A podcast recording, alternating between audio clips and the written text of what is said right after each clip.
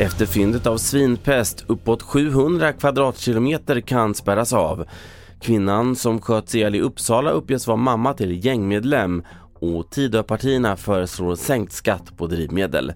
Jag först i TV4-nyheterna om att ett område på uppåt 700 kvadratkilometer kan komma att spärras av efter fyndet av afrikansk svinpest i ett dött vildsvin sydost om Fagersta i Västmanland. Det beskedet gav lantbruksminister Peter Kullgren i Eko tidigare under eftermiddagen. Men det är väldigt allvarligt. Vi har ju förberett oss under lång tid på att det här skulle kunna hända. Men det är klart att det är jätteallvarligt för det skulle kunna smitta även tamgrisar och det påverkar ju vår livsmedelsproduktion. Den kvinna i 60-årsåldern som sköts till döds i Uppsala i natt uppges vara mamma till en högt uppsatt person i den så kallade kurdiska rävens nätverk.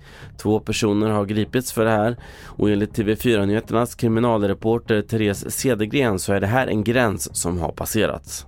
Många av de gängkriminella jag har träffat i mitt jobb, där är mammorna väldigt speciella. Man har speciella band till sina mammor. Mammorna är nästan eh, att de är slags heliga. När man skjuter ihjäl en mamma på det här sättet eh, så vill man markera någonting. Och sist om att regeringen och Sverigedemokraterna idag meddelade att de vill sänka skatten på bensin med 1,64 kronor litern och skatten på diesel med 43 öre litern. Sänkningen är då jämfört med hur det skulle ha blivit enligt tidigare planer. Så här säger vår politiska kommentator Ann Tiberg om beskedet. Det stämmer om man ser till hur priset annars skulle ha blivit från årsskiftet. Därför att det var planerat en höjning och redan budgeterat med en höjning av både bensin och dieselskatt. I själva verket är ju det här en glädjekalkyl och en liten försköning av siffrorna för den som går och tankar den 1 januari. Man kommer inte att märka den sänkningen. Fler nyheter i appen TV4 Nyheterna. Mitt namn är Carl-Oskar Alsen.